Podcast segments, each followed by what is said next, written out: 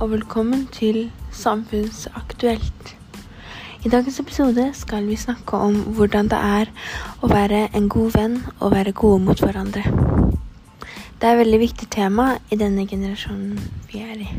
Veldig viktig i disse tider. Der koker vannet. Da plinger det i bjellene, og det betyr at vi starter.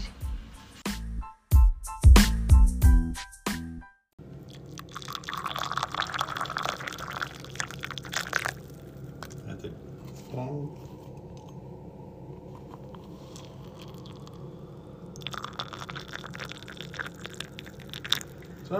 Pappa. Woo! Jo.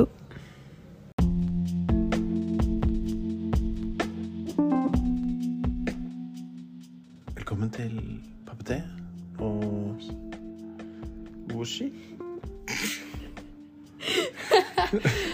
um, det er jo her, og nå skal vi snakke litt om hvordan man kan være gode med hverandre. Ja. Så det er veldig viktig å være gode med hverandre, sånn at alle skal ha det bra. Fordi alle er mennesker, og alle har følelser. Og selv om det ikke kan liksom virke sånn noen ganger, så er det veldig viktig å passe på at liksom alle føler seg velkommen og føler seg sett og sånn. Og man trenger ikke alltid være venner og bestevenn med alle. Men det er veldig viktig å være vennlig med alle og være hyggelig og ikke si stygge ting og ikke være slem.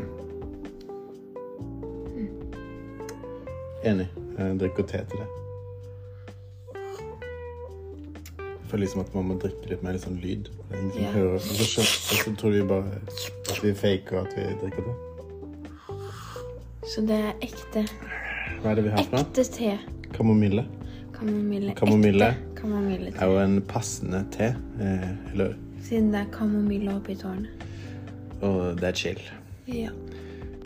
Peace.